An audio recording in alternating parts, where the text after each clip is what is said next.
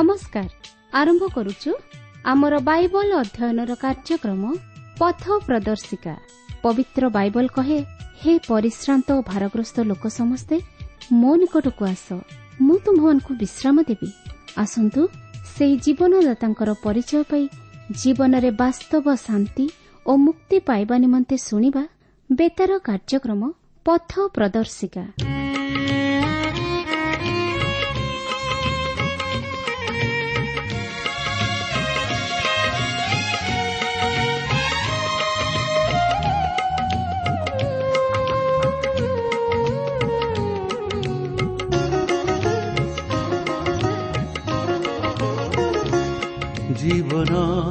ସାଗର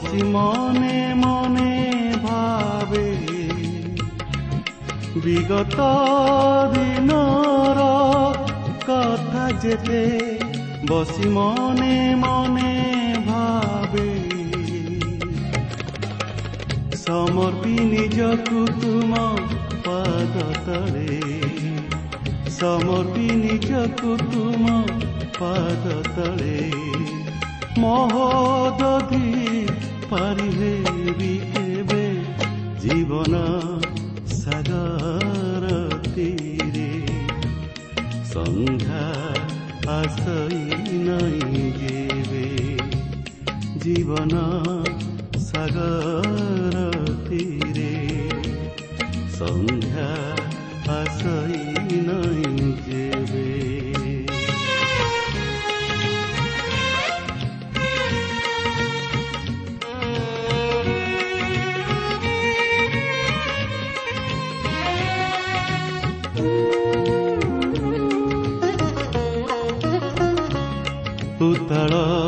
ତରଙ୍ଗ ସାଗର ପଥର ଦେଖି ଶଙ୍କା ଭୟ ମନେ ଜାଗେ ନାହିଁ ତ ମୋତରି ମୁଁ ନୁହେଁ ନାଉରି ଏ କରିବ ପାରି ମତେ ତେବେ ସମର୍ପି ନିଜକୁ ତୁମ ପାଦ ତଳେ ସମର୍ପି ନିଜକୁ ତୁମ ପାଦ ତଳେ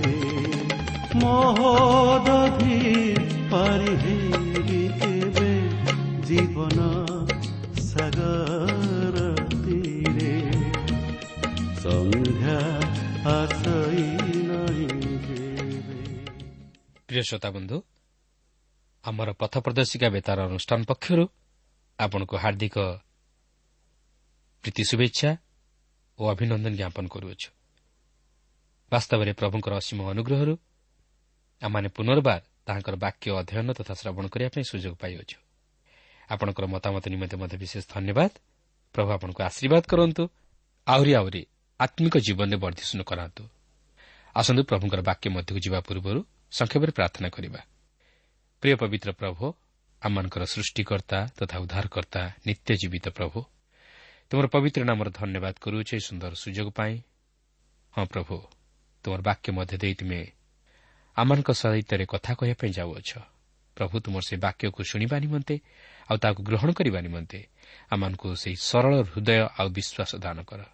ଆମମାନଙ୍କର ଜୀବନରେ ପ୍ରଭୁ ତୁମର ମହତ ଅଭିମତ ତୁମେ ସଫଳ କର। ତୁମର ପବିତ୍ର ଉପସ୍ଥିତି ମଧ୍ୟ ଦେଇ ଆମମାନଙ୍କୁ କଢ଼ାଇ ନିଅ। ଯୀଶୁଙ୍କ ନାମରେ ମାଗୁଅଛୁ।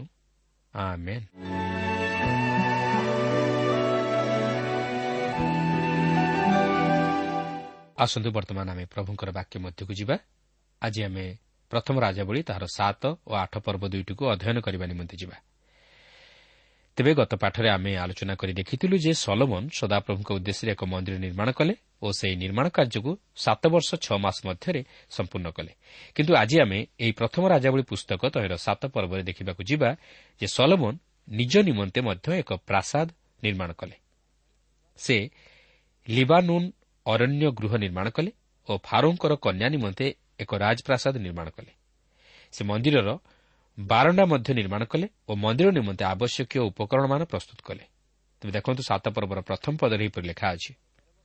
ଅନନ୍ତର ସଲୋମନ ତେର ବର୍ଷ ଆପଣା ଗୃହ ନିର୍ମାଣ କରିବାରେ ଲାଗି ଆପଣାର ସମୁଦାୟ ଗୃହ ସମାପ୍ତ କଲେ। ଦେଖନ୍ତୁ ମନ୍ଦିର ନିର୍ମାଣ ନିମନ୍ତେ ସଲମନଙ୍କୁ ସାତ ବର୍ଷ ଲାଗିଥିଲା। ମାତ୍ର ତାହାଙ୍କର ନିଜ ଗୃହ ନିର୍ମାଣ ନିମନ୍ତେ ତାହାଙ୍କୁ ତେର ବର୍ଷ ଲାଗିଥିଲା। ପାଖାପାଖି ଦୁଇ ଗୁଣ ସମୟ ଲାଗିଥିଲା। ତେଣୁ ଏଥିରୁ ଜଣାପଡ଼େ ଯେ ଏହା ଅତି ଉନ୍ନତ ଧରଣର ପ୍ରାସାଦ ହୋଇଥିବ। ଏହାପରେ ସାତ ପର୍ବର ଦୁଇ ପଦରେ ଆମେ ଲକ୍ଷ୍ୟ କରୁ ଯେ ସଲମନ ମଧ୍ୟ ଲିବାନୋନ୍ ଅରଣ୍ୟ ଗୃହ ନିର୍ମାଣ କଲେ। ତାହା ତାହାଙ୍କର ଦ୍ୱିତୀୟ ଗୃହ ଥିଲା। ସମ୍ଭବତଃ ସେ ତାହାଙ୍କର ଅବସର ବିନୋଦନ ନିମନ୍ତେ ସେହି ସ୍ଥାନକୁ ଯାଉଥିଲେ। ସେହି ଗୃହର ଦୀର୍ଘତା ଏକଶହ ହାତ ଯାହାକି ଏକ ଫୁଟବଲ ଖେଳ ପଡ଼ିଆର ଅଧାଅଧି ଓ ତହିଁର ପ୍ରସ୍ଥ ପଞ୍ଚାଶ ହାତ ଓ ଉଚ୍ଚତା ତିରିଶ ହାତ ଓ ଏହା ଚାରି ଧାଡ଼ି ଏରସ କାଷ୍ଠର ସ୍ତମ୍ଭ ଉପରେ ଏରସ କାଷ୍ଠର କଡ଼ି ଦେଇ ତାହା ନିର୍ମାଣ କରାଯାଇଥିଲା। ସ୍ୱରର ରାଜା ହିରମ୍ ସେହି ସମସ୍ତ ପଥର ଓ ଏରସ କାଷ୍ଠ ଯୋଗାଇଲେ ଆଉ ସେହି ସମସ୍ତ ଏରସ କାଷ୍ଠ ସେହି ଲିବାନୋନ୍ ଅରଣ୍ୟର ଥିଲା।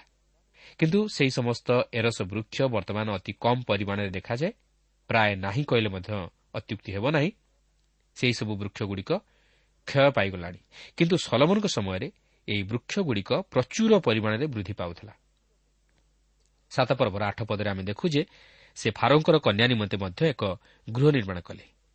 ଏଠାରେ ସେହିପରି ଥିଲା ବୋଲି ଯେଉଁ ଶବ୍ଦ ବ୍ୟବହାର କରାଯାଇଅଛି ତହିଁରୁ ଜଣାଯାଏ ଯେ ଏହି ଗୃହ ମଧ୍ୟ ଅତି ଅଳଙ୍କୃତ ଓ ଉନ୍ନତ ଧରଣର ଥିଲା। କାରଣ ସେ ତାହାକୁ ଅତି ସମ୍ମାନଜନକ ପଦରେ ରଖିବାକୁ ଚାହିଁଥିଲେ। ଯେପରି ଲୋକମାନେ ଫାରୋଙ୍କର କନ୍ୟା ଅର୍ଥାତ୍ ତାଙ୍କର ସ୍ତ୍ରୀଙ୍କୁ ମଧ୍ୟ ସମ୍ମାନ ଦିଅନ୍ତି।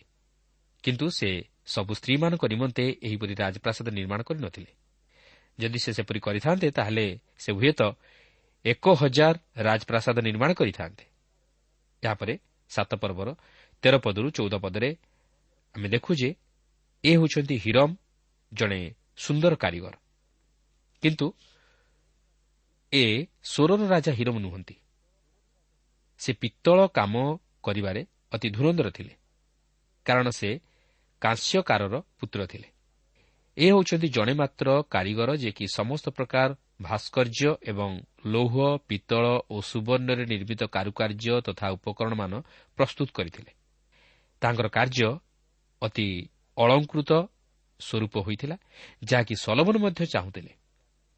ଉନ୍ନତ ଧରଣର ଅଳଙ୍କାରିକ କାରୁକାର୍ଯ୍ୟ ସେହି ସୁଖ ସମୃଦ୍ଧି ତଥା ଶାନ୍ତିର ସମୟକୁ ପ୍ରକାଶ କରେ ଯେଉଁ ସମୟରେ କି ସଲମନ ରାଜା ହୋଇ ରାଜତ୍ୱ କରୁଥିଲେ। ଏହା ସେହି ସୁଖ ସମୃଦ୍ଧିର ସମୟ ଥିଲା ଯେଉଁ ସମୟରେ କି କଳାର ଉନ୍ନତି ତଥା ଅଭିବୃଦ୍ଧି ଘଟିଥିଲା। ସଲମନଙ୍କ ରାଜତ୍ୱ ସମୟରେ ଶାନ୍ତି ଓ ପ୍ରଚୁରତା ମଧ୍ୟରେ ଲୋକମାନେ କାଳାତିବାଦ କରୁଥିଲେ।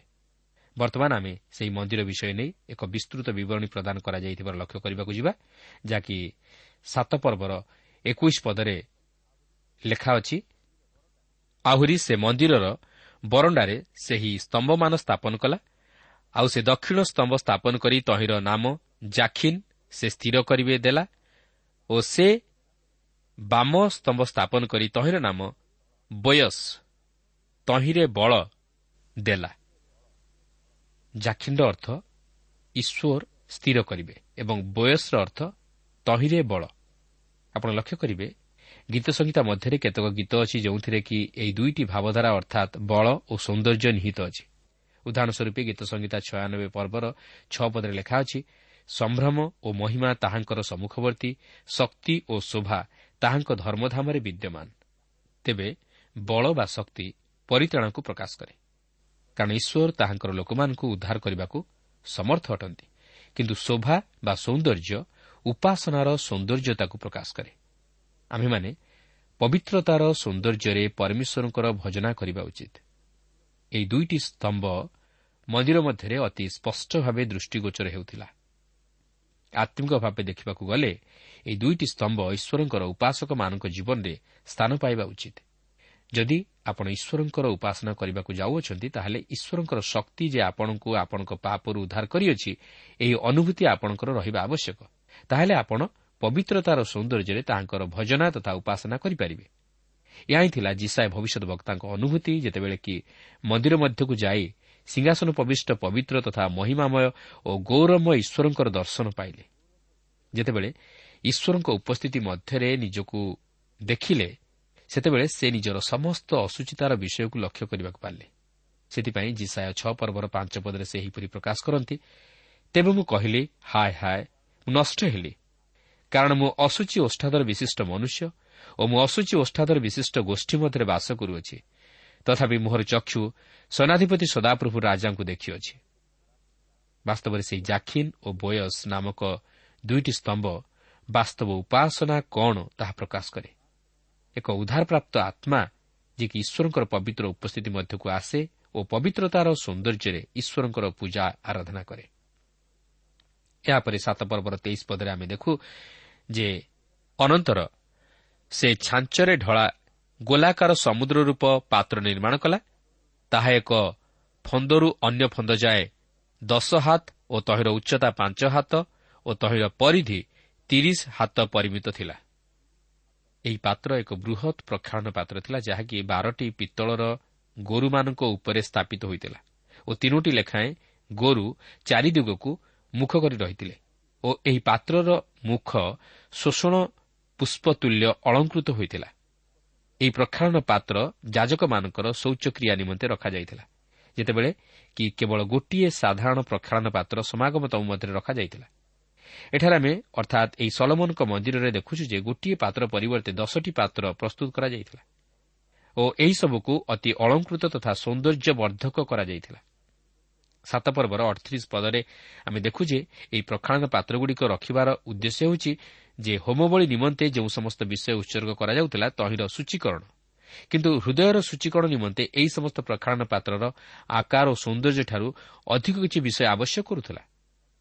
ବର୍ତ୍ତମାନ ଏହିପରି ଅନେକ ଖ୍ରୀଷ୍ଟୀୟ ମଣ୍ଡଳୀଗୁଡ଼ିକ ଅଛନ୍ତି ସେମାନେ ଅତି ସୁନ୍ଦର ଉପାସନା କାର୍ଯ୍ୟ ପରିଚାଳନା କରନ୍ତି ମାତ୍ର ସେମାନେ ସେହି ଉପାସକ ମଣ୍ଡଳୀକୁ ପ୍ରଭୁଙ୍କର ନିକଟବର୍ତ୍ତୀ କରାଇପାରନ୍ତି ନାହିଁ କି ପବିତ୍ରତାର ସୌନ୍ଦର୍ଯ୍ୟରେ ଈଶ୍ୱରଙ୍କର ଉପାସନା କରିପାରନ୍ତି ନାହିଁ।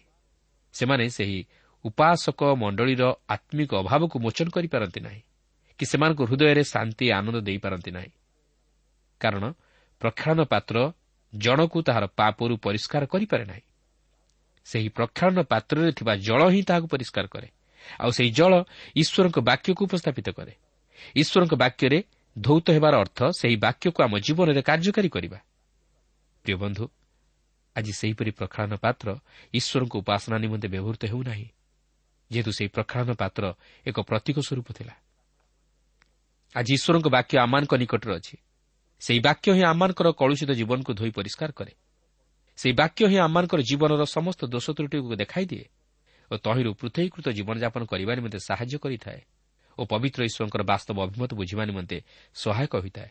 ତେଣୁ ଆସୁ ଈଶ୍ୱରଙ୍କ ବାକ୍ୟ ଅନୁଯାୟୀ ଜୀବନଯାପନ କରିବା ନିମନ୍ତେ ଚେଷ୍ଟା କରୁ କାରଣ ଈଶ୍ୱରଙ୍କ ବାକ୍ୟ ହିଁ ସମସ୍ତ ଅଧର୍ମରୁ ଆମମାନଙ୍କୁ ଦୂରେଇ ରଖେ ଓ ପବିତ୍ର ଈଶ୍ୱରଙ୍କର ନିକଟବର୍ତ୍ତୀ କରାଇଥାଏ। ଏହାପରେ ସାତ ପର୍ବର ଅଡ଼ଚାଳିଶରୁ ଅଠାବନ ପଦ ମଧ୍ୟରେ ଆମେ ଦେଖୁ ଯେ ସମାଗମ ତମୁ ମଧ୍ୟରେ କେବଳ ମାତ୍ର ଗୋଟିଏ ଦୀପବୃକ୍ଷ ଥିଲା ଯାହାକି ପ୍ରଭୁ ଯୀଶୁଖ୍ରୀଷ୍ଟଙ୍କୁ ଉପସ୍ଥାପିତ କରେ। କିନ୍ତୁ ମନ୍ଦିର ମଧ୍ୟରେ ଦଶଟି ଦୀପବୃକ୍ଷ ରଖାଯାଇଥିଲା। ଏଠାରେ ପୁନର୍ବାର ଆମେ ଦେଖୁ ଯେ ଅଧିକ ସଂଖ୍ୟାର ଦୀପବୃକ୍ଷ ସଲୋବନ ମନ୍ଦିର ମଧ୍ୟରେ ରଖିଥିଲେ।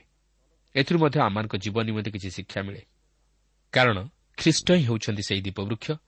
ସେ ହିଁ ଜଗତର ଜ୍ୟୋତି। ସେଥିପାଇଁ ସେ ନିଜେ କହନ୍ତି ମୁଁ ଜଗତର ଜ୍ୟୋତି। ଯିଏ ମୋହର ଅନୁଗମନ କରେ ସେ କେବେ ହେଁ ଅନ୍ଧକାରରେ ଭ୍ରମଣ କରିବ ନାହିଁ ବରଂ ଜୀବନର ଜ୍ୟୋତି ପାଇବ। ପ୍ରିୟ ବନ୍ଧୁ ଆଜି କ'ଣ ଆମେ ଏହି ଅନ୍ଧକାରମୟ ଜଗତରେ ସେହି ଜ୍ୟୋତିଙ୍କୁ ଗ୍ରହଣ କରିବାକୁ ଚାହୁଁ କି? ତାହେଲେ ସେ ଆମମାନଙ୍କୁ ପଥ ଦେଖାଇବେ ଓ ସମସ୍ତ ବିପଦରୁ ଆମମାନଙ୍କର ଜୀବନକୁ ରକ୍ଷା କରିବେ। ଆପଣ ଜାଣିଥିବେ ଅନ୍ଧକାର ମଧ୍ୟରେ ଚାଲିଲେ ବା ବାସ କଲେ କ'ଣ ହୁଏ? ଯଦି ଆପଣଙ୍କର ଜୀବନ ସେହିପରି ଆତ୍ମିକ ଅନ୍ଧକାର ମଧ୍ୟରେ ଗତି କରେ ତାହେଲେ ଆମମାନଙ୍କ ଜୀବନର ଦଶା କି ପ୍ରକାର ହେବ ତାହା ଆପଣ ଅନୁମାନ କରିପାରୁଥିବେ। ଖ୍ରୀଷ୍ଟବିହୀନ ଜୀବନ ଅନ୍ଧକାରମୟ ଯାହା ଅନ୍ଧକାର ମଧ୍ୟରେ ସେହି ବିନାଶ ଆଡ଼କୁ ଗତି କରେ। ଶତ୍ରୁର ସମ୍ମୁଖୀନ ହୋଇ ବିନଷ୍ଟ ହୁଏ। ତେଣୁ ଆସୁ କେବଳ ଖ୍ରୀଷ୍ଟଙ୍କୁ ନିଜ ଜୀବନରେ ଜ୍ୟୋତି ରୂପେ ଗ୍ରହଣ କରି ଜ୍ୟୋତିରେ ଆଚରଣ କରୁ। ତାହେଲେ ଆମମାନଙ୍କ ଜୀବନ ଦ୍ୱାରା ଖ୍ରୀଷ୍ଟଙ୍କର ଜ୍ୟୋତି ଅନ୍ୟମାନଙ୍କ ନିକଟରେ ପ୍ରକାଶିତ ହେବ ଓ ଆମେ ଏହି ଅନ୍ଧକାରମୟ ଜଗତରେ ଏକ ଏକ ବତିଘର ସ୍ୱରୂପେ ଛିଡ଼ା ହୋଇପାରିବା ଓ ଅନ୍ୟମାନଙ୍କୁ ମଧ୍ୟ ପଥ ଦେଖାଇପାରିବା ନିଜର ଜୀବନକୁ ବିନାଶରୁ ରକ୍ଷା କରିବା ସଙ୍ଗେ ସଙ୍ଗେ ଅନ୍ୟମାନଙ୍କର ଜୀବନକୁ ମଧ୍ୟ ରକ୍ଷା କରିପାରିବା। ଏହାପରେ ସାତ ପର୍ବରେ ଏକାବନ ପଦରେ ଆମେ ଦେଖୁ ଯେ ରାଜା ସଲମନ କେବଳ ମନ୍ଦିର ନିର୍ମାଣ କରିନଥିଲେ ମାତ୍ର ସେହି ମନ୍ଦିର ନିମନ୍ତେ ଆବଶ୍ୟକୀୟ ଉପକରଣମାନ ମଧ୍ୟ ପ୍ରସ୍ତୁତ କଲେ ଓ ସେ ଯେଉଁପରି ଚାହୁଁଥିଲେ ସେହିପରି ସମସ୍ତ ବିଷୟ ସାଧନ କଲେ। ତାହାଙ୍କର ମନ ଯେଉଁପରି ଚାହିଁଲା ସେହିପରି ସମସ୍ତ ବିଷୟ ନିର୍ମାଣ କାର୍ଯ୍ୟ ସମାପ୍ତ କଲେ ଓ ଦାଉଦଙ୍କର ପବିତ୍ରୀକୃତ ସାମଗ୍ରୀ ଅର୍ଥାତ୍ ରୂପା ଓ ସୁନା ଓ ପାତ୍ର ସବୁ ଆଣି ସଦାପ୍ରଭୁଙ୍କ ଗୃହସ୍ଥିତ ଭଣ୍ଡାରରେ ରଖିଲେ। କିନ୍ତୁ ସଲମନ ଯଦିଓ ସଦାପ୍ରଭୁଙ୍କ ନିମନ୍ତେ ମନ୍ଦିର ନିର୍ମାଣ କଲେ ମାତ୍ର ସେ ଯାହା କରିବା କଥା ତହିଁରୁ ଅଧିକ କିଛି କଲେ। ସେ ବାହ୍ୟ ସୌନ୍ଦର୍ଯ୍ୟତା ପ୍ରତି ଦୃଷ୍ଟି ଦେଲେ। ମାତ୍ର ଆତ୍ମିକ ସୌନ୍ଦର୍ଯ୍ୟତା ପ୍ରତି ସେତେ ଦୃଷ୍ଟି ଦେଲେ ନାହିଁ। ଏପରିକି ସମାଗମ ତମ୍ବୁର ଆଦର୍ଶରେ ମନ୍ଦିର ନିର୍ମାଣ ନ କରି ମନ୍ଦିରଟିକୁ ଅତି ଅଳଙ୍କୃତ ଓ କାରୁକାର୍ଯ୍ୟରେ ବିଭୂଷିତ କରି ସମାଗମ ତମ୍ବୁର ବାସ୍ତବ ଅଭିମତ ଓ ପବିତ୍ରତାକୁ କ୍ଷୁର୍ଣ୍ଣ କଲେ। ଲୋକମାନେ ଈଶ୍ୱରଙ୍କୁ ଗୌରବ ନ ଦେଇ ମନ୍ଦିରକୁ ଗୌରବ ଦେଲେ। ଈଶ୍ୱରଙ୍କୁ ପ୍ରାଧାନ୍ୟ ନ ଦେଇ ମନ୍ଦିରକୁ ପ୍ରାଧାନ୍ୟ ଦେଲେ। ପବିତ୍ରତାର ସୌନ୍ଦର୍ଯ୍ୟରେ ଈଶ୍ୱରଙ୍କର ଉପାସନା ନ କରି ମନ୍ଦିରର ବାହ୍ୟ ପବିତ୍ରତା ଉପରେ ଦୃଷ୍ଟି ଦେଲେ। ଫଳତଃ ଈଶ୍ୱର ଗୌରବ ପାଇପାରିଲେ ନାହିଁ। ମନ୍ଦିରଟି ବହୁମୂଲ୍ୟ ଅଳଙ୍କାର ପ୍ରସ୍ତର ସବୁରେ ବିଭୂଷିତ ହୋଇଥିବାରୁ ଶତ୍ରୁର ଦୃଷ୍ଟିଗୋଚର ହେଲା ଓ ତାହା ମଧ୍ୟ ଶତ୍ରୁ ଦ୍ୱାରା ବିନଷ୍ଟ ହେଲା। ପ୍ରିୟ ବନ୍ଧୁ ଈଶ୍ୱର ଆମମାନଙ୍କର ବାହ୍ୟ ଚାକଚକ୍ୟ ପ୍ରତି ଦୃଷ୍ଟି ଦିଅନ୍ତି ନାହିଁ। ମାତ୍ର ସେ ବାସ୍ତବ ପବିତ୍ରତା ପ୍ରତି ଦୃଷ୍ଟି ଦିଅନ୍ତି। ଯେଉଁଠାରେ ପବିତ୍ରତା ନାହିଁ ସେଠାରେ ତାହାଙ୍କର ଉପସ୍ଥିତିକୁ ଅନୁଭବ କରିବା ଦୁଷ୍କର। ଈଶ୍ୱର ପବିତ୍ର ଓ ସେ ଚାହାନ୍ତି ଆମ୍ଭେମାନେ ଯେପରି ପବିତ୍ରତାର ସୌନ୍ଦର୍ଯ୍ୟରେ ତାହାଙ୍କର ଉପାସନା କରୁ ଓ ତାହାଙ୍କୁ ଗୌରବ ଓ ମହିମା ତଥା ପ୍ରଶଂସାରେ ବିଭୂଷିତ କରୁ। ତେଣୁ ପ୍ରଭୁ କରନ୍ତୁ ଆମେ ଯେପରି ପବିତ୍ରତାର ସୌନ୍ଦର୍ଯ୍ୟରେ ତାହାଙ୍କର ଉପାସନା କରିବାକୁ ପାରୁ। ବର୍ତ୍ତମାନ ଆମେ ଏହି ପ୍ରଥମ ରାଜାବଳୀ ଆଠ ପର୍ବ ମଧ୍ୟକୁ ଯିବା। ଏହି ଆଠ ପର୍ବରେ ସଲମନ କିପରି ମନ୍ଦିର ନିର୍ମାଣ କାର୍ଯ୍ୟ ସମାପ୍ତ କରି ସେହି ମନ୍ଦିରକୁ ଈଶ୍ୱରଙ୍କ ଉଦ୍ଦେଶ୍ୟରେ ଉତ୍ସର୍ଗ କଲେ ତାହା ଲକ୍ଷ୍ୟ କରିବାକୁ ଯିବା। ଏହି ପର୍ବରେ ଆମେ ଲକ୍ଷ୍ୟ କରିବାକୁ ଯିବା ଯେ ନିୟମ ସିନ୍ଧୁକ ମନ୍ଦିର ମଧ୍ୟକୁ ଅଣାଯାଇଅଛି ଓ ଈଶ୍ୱରଙ୍କର ପ୍ରତାପ ଗୃହ ମଧ୍ୟରେ ପରିପୂର୍ଣ୍ଣ ହୋଇଅଛି। ଓ ସଲମନ ସମ୍ବାଦ ପରିବେଷଣ କରି ପ୍ରାର୍ଥନାର ସହିତ ସେହି ମନ୍ଦିରକୁ ଉତ୍ସର୍ଗ କରନ୍ତି। ପ୍ରଥମ ରାଜାବଳୀ ଆଠ ପର୍ବର ପ୍ରଥମ ପଦରେ ଏହିପରି ଲେଖା ଅଛି ଅନନ୍ତର ସଲମନ ଦାଉଦନଗର ସିଓନରୁ ସଦାପ୍ରଭୁଙ୍କ ନିୟମ ସିନ୍ଧୁକୁ ଆଣିବା ପାଇଁ ଇସ୍ରାଏଲ୍ର ପ୍ରାଚୀନ ବର୍ଗଙ୍କୁ ଓ ବଂଶ ସମୂହର ପ୍ରଧାନ ବର୍ଗଙ୍କୁ ଅର୍ଥାତ୍ ଇସ୍ରାଏଲ୍ ସନ୍ତାନଗଣର ପିତୃଗୃହାଧିପତି ସମସ୍ତଙ୍କୁ ଜିରୁସାଲାମରେ ସଲମନ ରାଜାଙ୍କ ନିକଟରେ ଏକତ୍ର କଲେ। ଦେଖନ୍ତୁ ଯେତେବେଳେ ସେହି ନିୟମ ସିନ୍ଧୁକକୁ ସମାଗମ ତମ୍ବୁରୁ ଆଣି ମନ୍ଦିର ମଧ୍ୟରେ ଥିବା ସେହି ମହାପବିତ୍ର ସ୍ଥାନରେ ରଖାଗଲା ସେତେବେଳେ ସଦାପ୍ରଭୁଙ୍କର ପ୍ରତାପରେ ମନ୍ଦିରଟି ପରିପୂର୍ଣ୍ଣ ହେଲା। ସେମାନେ କେବଳ ନିୟମ ସିନ୍ଧୁକକୁ ସମାଗମ ତମ୍ବୁରୁ ଆଣିଲେ ନାହିଁ ସେଥିସହିତ ସମସ୍ତ ଉପକରଣମାନ ମଧ୍ୟ ସମାଗମ ତମ୍ବୁ ମଧ୍ୟରୁ ଆଣି ମନ୍ଦିର ମଧ୍ୟରେ ରଖିଲେ ଯାହାକି ଆମେ ଏହି ପର୍ବର ଦୁଇ ପଦରୁ ନଅ ପଦ ମଧ୍ୟରେ ଲକ୍ଷ୍ୟ କରିବାକୁ ପାରୁ। ଏହାପରେ ଦଶ ପଦରୁ ଏଗାର ପଦ ମଧ୍ୟରେ ଆମେ ଦେଖିବାକୁ ପାରୁଛୁ ଯେ ସଦାପ୍ରଭୁଙ୍କ ପ୍ରତାପରେ ମନ୍ଦିରଟି ପରିପୂର୍ଣ୍ଣ ହେଲା।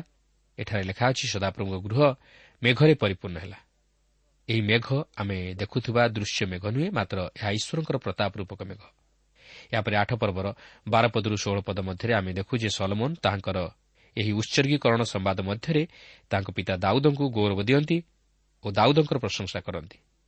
କାରଣ ଦାଉଦ ହେଉଛନ୍ତି ପ୍ରଥମ ବ୍ୟକ୍ତି ଯାହାଙ୍କ ହୃଦୟରେ ଏହି ମନ୍ଦିର ନିର୍ମାଣ କରିବା ନିମନ୍ତେ ଭାବ ଜାତ ହୋଇଥିଲା ଓ ସେ ଏହା ନିର୍ମାଣ କରିବା ନିମନ୍ତେ ଯୋଜନା ମଧ୍ୟ ପ୍ରସ୍ତୁତ କରିଥିଲେ। ମାତ୍ର ସଲମନ ତାହାକୁ କାର୍ଯ୍ୟକାରୀ କରିଥିଲେ। ଏହାପରେ ସତରରୁ କୋଡ଼ିଏ ପଦ ମଧ୍ୟରେ ଆମେ ଦେଖୁ ଯେ ମନ୍ଦିର ନିର୍ମାଣ କରିବାର ଇଚ୍ଛା ଦାଉଦଙ୍କ ହୃଦୟରେ ଜାତ ହୋଇଥିଲା ଯାହାକି ଆମେ ଦ୍ୱିତୀୟ ସାମୁଏଲ ସାତ ପର୍ବରେ ଲକ୍ଷ୍ୟ କରିବାକୁ ପାରୁ। କିନ୍ତୁ ସଲମନ ଦାଉଦଙ୍କ ଯୋଜନାକୁ କାର୍ଯ୍ୟକାରୀ କଲେ। ଏହାପରେ ଏକୋଇଶ ପଦରୁ ଛବିଶ ପଦ ମଧ୍ୟରେ ଆମେ ଦେଖୁ ଯେ ସଲମନ ମନ୍ଦିରକୁ ଉତ୍ସର କରିବା ସମୟରେ ଏହିପରି କହନ୍ତି ଯେ ଏହି ମନ୍ଦିର ଈଶ୍ୱରଙ୍କ ନାମରେ ଖ୍ୟାତ ହେବା ଉଚିତ ଏବଂ ଏହିଠାରେ ଲୋକମାନେ ଈଶ୍ୱରଙ୍କ ନିକଟରେ ସମବେତ ହୋଇ ପ୍ରାର୍ଥନା କରିବା ଉଚିତ। ଏହା ସେହି ମନ୍ଦିର ନୁହେଁ ଯେଉଁଠାରେ କି ଦେବତାମାନେ ସ୍ଥାନ ପାଇବେ ବା ଈଶ୍ୱର ବାସ କରିବେ। କାରଣ ସଲମନ ମଧ୍ୟ ଜାଣିଥିଲେ ଯେ ଦାଉଦ ଯେପରି କହିଥିଲେ ଏହା ସେହିପରି ସଦାପ୍ରଭୁଙ୍କର ପାଦପୀଠ ମାତ୍ର ବାସସ୍ଥାନ ନୁହେଁ। ଏହାପରେ ସତେଇଶ ପଦରେ ଆମେ ଦେଖୁ ଯେ ସଲମନ ଏଠାରେ କହିବାକୁ ଚାହାନ୍ତି ଯେପରି ଲୋକମାନେ ଏହି ସ୍ଥାନରେ ନତମସ୍ତକ ହୋଇ ଈଶ୍ୱରଙ୍କ ନିକଟରେ ପ୍ରାର୍ଥନା କରନ୍ତୁ ଓ ବଳିଦାନ ପ୍ରଭୃତି ଉତ୍ସର କରନ୍ତୁ ଓ ସମବେତ ହୋଇ ଈଶ୍ୱରଙ୍କର ଗୁଣକୀର୍ତ୍ତନ ତଥା ପ୍ରଶଂସା ଓ ଧନ୍ୟବାଦ ଅର୍ପଣ କରନ୍ତୁ। କିନ୍ତୁ ଅନ୍ୟ ବିଜାତୀୟ ଲୋକମାନେ ଭାବନ୍ତି ଯେ ଈଶ୍ୱର ମନ୍ଦିର ମଧ୍ୟରେ ବାସ କରନ୍ତି। କିନ୍ତୁ ଈଶ୍ୱର ମନ୍ଦିର ମଧ୍ୟରେ ବାସ କରନ୍ତି ନାହିଁ ମାତ୍ର ଈଶ୍ୱରଙ୍କ ଲୋକମାନେ ମନ୍ଦିର ମଧ୍ୟରେ ତାହାଙ୍କର ଉପସ୍ଥିତିକୁ ଉପଲବ୍ଧି କରିପାରନ୍ତି। ତେଣୁକରି ସଲମନ ଏହିପରି ପ୍ରାର୍ଥନା କରନ୍ତି ଦେଖ ସ୍ୱର୍ଗ ଓ ସ୍ୱର୍ଗର ଉପରିସ୍ଥ ସ୍ୱର୍ଗ ତୁମକୁ ଧାରଣ କରି ନପାରେ ତେବେ ମୋ ନିର୍ମିତ ଏହି ଗୃହ କ'ଣ ପାରିବ? କାରଣ ଈଶ୍ୱର ସର୍ବବ୍ୟାପୀ। ସେ ପ୍ରତ୍ୟେକ ସ୍ଥାନରେ ବିଦ୍ୟମାନ। ସେ ତାହାଙ୍କର ସୃଷ୍ଟି ଉପରେ ସର୍ବେସର୍ବା। ତାଙ୍କ ଉପରେ ଆଉ କେହି ନାହିଁ କି ତାହାଙ୍କଠାରୁ ମହାନ ଶକ୍ତିମାନ କେହି ନାହିଁ। ତାହାଙ୍କୁ କୌଣସି ସ୍ଥାନରେ ମଧ୍ୟ ସୀମିତ କରି ରଖାଯାଇ ନପାରେ କିମ୍ବା ସେ ମନୁଷ୍ୟ ହସ୍ତ ଦ୍ୱାରା ବା ଚିନ୍ତାଧାରା ଦ୍ୱାରା ପରିଚାଳିତ ହୁଅନ୍ତି ନାହିଁ। ସେ ଯାହା ଚାହାନ୍ତି ତାହା ହିଁ ସାଧନ କରନ୍ତି। ବର୍ତ୍ତମାନ ଆମେ ଏଠାରେ ଆଉ ଏକ କୌତୁହଳର ବିଷୟ ଲକ୍ଷ୍ୟ କରୁଅଛୁ ଯେ ଯାହାକି ଭବିଷ୍ୟତରେ ଘଟିବାକୁ ଥିବା ବିଷୟକୁ ପ୍ରକାଶ କରେ ଆଉ ତାହା ହେଉଛି ଇସ୍ରାଏଲ୍ ସନ୍ତାନଗଣ ଈଶ୍ୱରଙ୍କ ବିରୁଦ୍ଧରେ ପାପ କରିବେ ଓ ବନ୍ଦୀ ହୋଇ ଦାସତ୍ୱ ବନ୍ଧନରେ ବାନ୍ଧି ହେବେ। ଆଉ ତାହା ହିଁ ମଧ୍ୟ ଘଟିଲା ଯାହାକି ଆମେ ଆଠ ପର୍ବର ତେତିଶରୁ ଚାଳିଶ ପଦ ମଧ୍ୟରେ ଲକ୍ଷ୍ୟ କରିବାକୁ ପାରୁ। ଏହା ହିଁ ଥିଲା ସଲମନଙ୍କର ଉତ୍ସରୀକୃତ ପ୍ରାର୍ଥନା ଯେପରି ତାହାଙ୍କ ଲୋକମାନେ ଏହି ମନ୍ଦିରରେ ଯାହା ପ୍ରାର୍ଥନା କରିବେ ତାହା ଯେପରି ଈଶ୍ୱରଙ୍କ ନିକଟରେ ଗୃହୀତ ହେବାକୁ ପାରେ ଓ ଈଶ୍ୱର ଯେପରି ସେମାନଙ୍କର ପ୍ରାର୍ଥନାର ଉତ୍ତର ପ୍ରଦାନ କରନ୍ତି। କେବଳ ଇସ୍ରାଏଲୀୟ ଲୋକମାନଙ୍କର ପ୍ରାର୍ଥନା ଯେପରି ଶୁଣାଯିବ ଏଥିନିମନ୍ତେ ଯେ ସଲମନ ସଦାପ୍ରଭୁଙ୍କ ନିକଟରେ ପ୍ରାର୍ଥନା କଲେ ତାହା ନୁହେଁ ମାତ୍ର ଏଥିସହିତ ସେ ମଧ୍ୟ ବିଦେଶୀୟମାନଙ୍କ ନିମନ୍ତେ ପ୍ରାର୍ଥନା କରୁଥିଲେ ଯେପରି ସେମାନେ ଏହି ଗୃହ ଆଡ଼େ ପ୍ରାର୍ଥନା କରିବା ଦ୍ୱାରା ସେମାନଙ୍କର ପ୍ରାର୍ଥନା ଯେପରି ଈଶ୍ୱର ଶୁଣନ୍ତି ଓ ଉତ୍ତର ପ୍ରଦାନ କରନ୍ତି। ଯଦ୍ୱାରା ଏହି ଗୃହ ଯେ ଈଶ୍ୱରଙ୍କ ନାମରେ ଖ୍ୟାତ ତାହା ଯେପରି ସମଗ୍ର ଜଗତ ଜାଣିବ। ଏହାପରେ ଆଠ ପର୍ବର ଏକଚାଳିଶ ପଦରୁ ଛୟାଳିଶ ପଦ ମଧ୍ୟରେ ଆମେ ଲକ୍ଷ୍ୟ କରିବାକୁ ପାରୁ ଯେ ଈଶ୍ୱର ଆପଣାର ପ୍ରତ୍ୟେକଙ୍କୁ ସେହିପରି ବିଚାର କରନ୍ତି। ତାଙ୍କ ନିକଟରେ ଆମେ ସମସ୍ତେ ପାପି ବୋଲି ବିଚାରିତ ହେଉ। ଏହି ଜଗତ ମଧ୍ୟରେ ଏପରି ଜଣେ କେହି ନାହିଁ ଯେ କି ନିଷ୍ପାପୀ ଓ ନିଷ୍କଳଙ୍କ। କେବଳ ମାତ୍ର ପ୍ରଭୁ ଯୀଶୁଖ୍ରୀଷ୍ଟ ଜଣେ ବ୍ୟକ୍ତି ଯେ କି ଏହି ଜଗତରେ ନିଷ୍ପାପ ଓ ନିଷ୍କଳଙ୍କ ଭାବେ ଜୀବନଯାପନ କରି ଏହି ଜଗତକୁ ଜୟ କରିଅଛନ୍ତି ଓ ସମଗ୍ର ମାନବ ଜାତିର ଉଦ୍ଧାର ନିମନ୍ତେ ତାହାଙ୍କର ସେହି ପବିତ୍ର ରକ୍ତ ଦାନ କରିଅଛନ୍ତି। ତେଣୁକରି ଆପଣ କେବେ ହେଲେ କୁହନ୍ତୁ ନାହିଁ ଯେ ଆପଣ ପାପ କରିନାହାନ୍ତି ବୋଲି।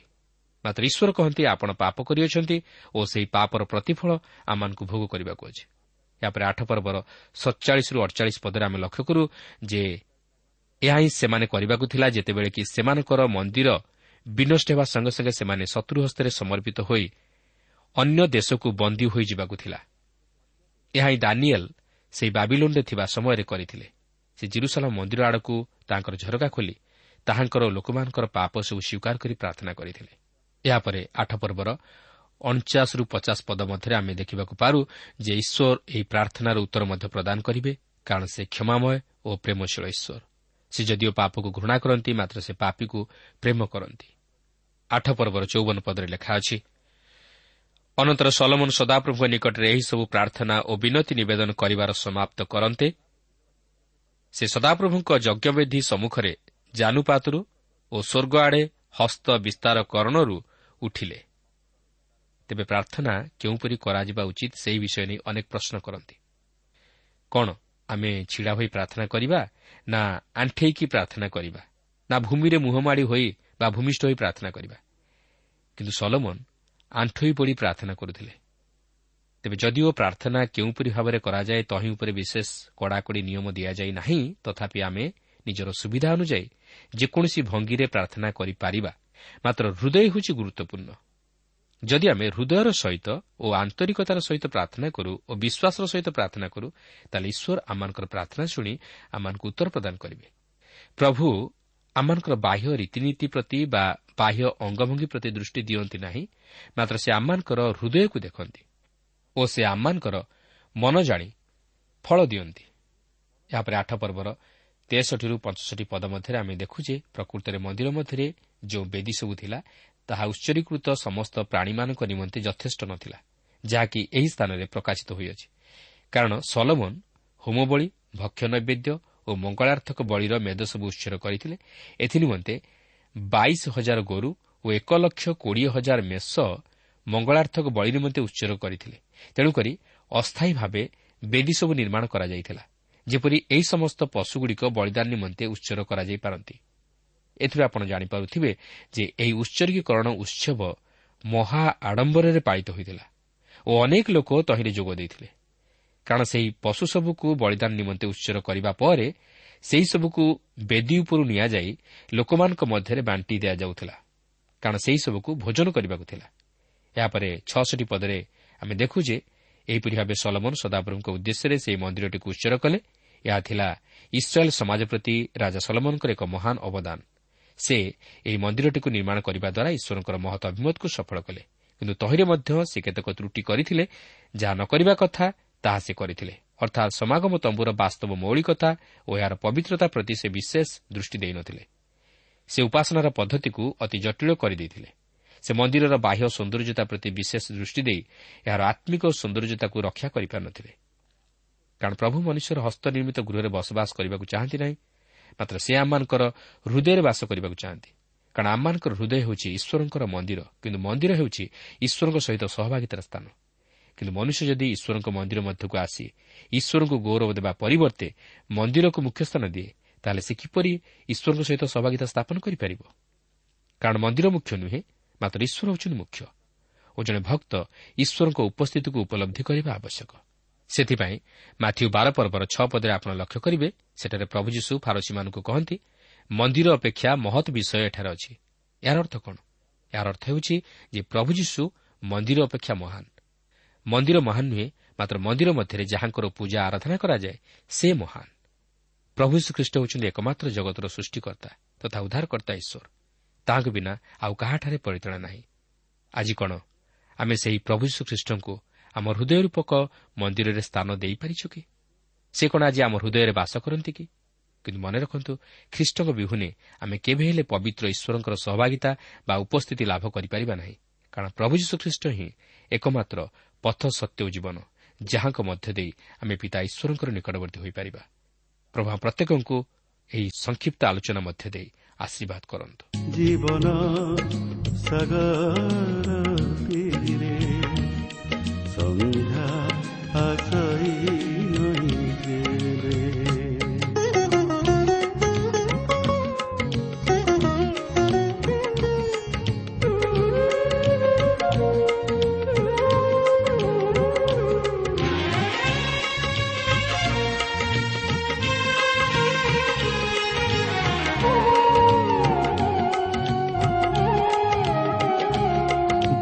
ତୀରେ ସନ୍ଧ୍ୟା ଆଶାଇ ନହିଁ ଯେବେ ଦେଖୁଛି ଦିଗନ୍ତେ ତରିଟିଏ ବାହି ଡାକି କହୁଛ ହାତ ବଢ଼ାଇ ଚିନ୍ତା ଛାଡ଼ି ମୋ ହାତ ଧରିଲେ ପାରଦିଶେ ଘେନି ଯିବି ମୁଁ ତୋତେ ସମର୍ପି ନିଜକୁ ତୁମ ପାଦ ତଳେ ପ୍ରିୟ ଶ୍ରୋତା আমার কার্যক্রম নিয়মিত শুণু অশেষ ধন্যবাদ আপনার এই কার্যক্রম শুণবা দ্বারা আত্মিক জীবনের উপকৃত হয়ে পে বলে আমার বিশ্বাস প্রভু যীশুঙ্ বিষয় অধিক জাণবার আগ্রহ লে অথবা উপাদেয় পুস্তকর আবশ্যক লে আমসহ যোগাযোগ করন্তু আমার ঠিকনা পথ প্রদর্শিকা Trans World Radio India post box number তিন তিন ভুবনেশ্বর সাত পাঁচ এক শূন্য শূন্য এক mobile number nine seven double seven double two one four one five ঠিকଣାটি ଆଉଥରେ ଶୁଣନ୍ତୁ ପଥ ପ୍ରଦର୍ଶିକା Trans World radio India post box number three three Bhubaneswar seven five one zero zero one mobile number nine seven double seven double two one four one five ଆମର email ଆଡ୍ରେସଟି ଲେଖି ରଖନ୍ତୁ Odia TV at radio eight eight two dot com ତେବେ ଆଜି ପାଇଁ ବିଦାୟ ଦିଅନ୍ତୁ। ନମସ୍କାର।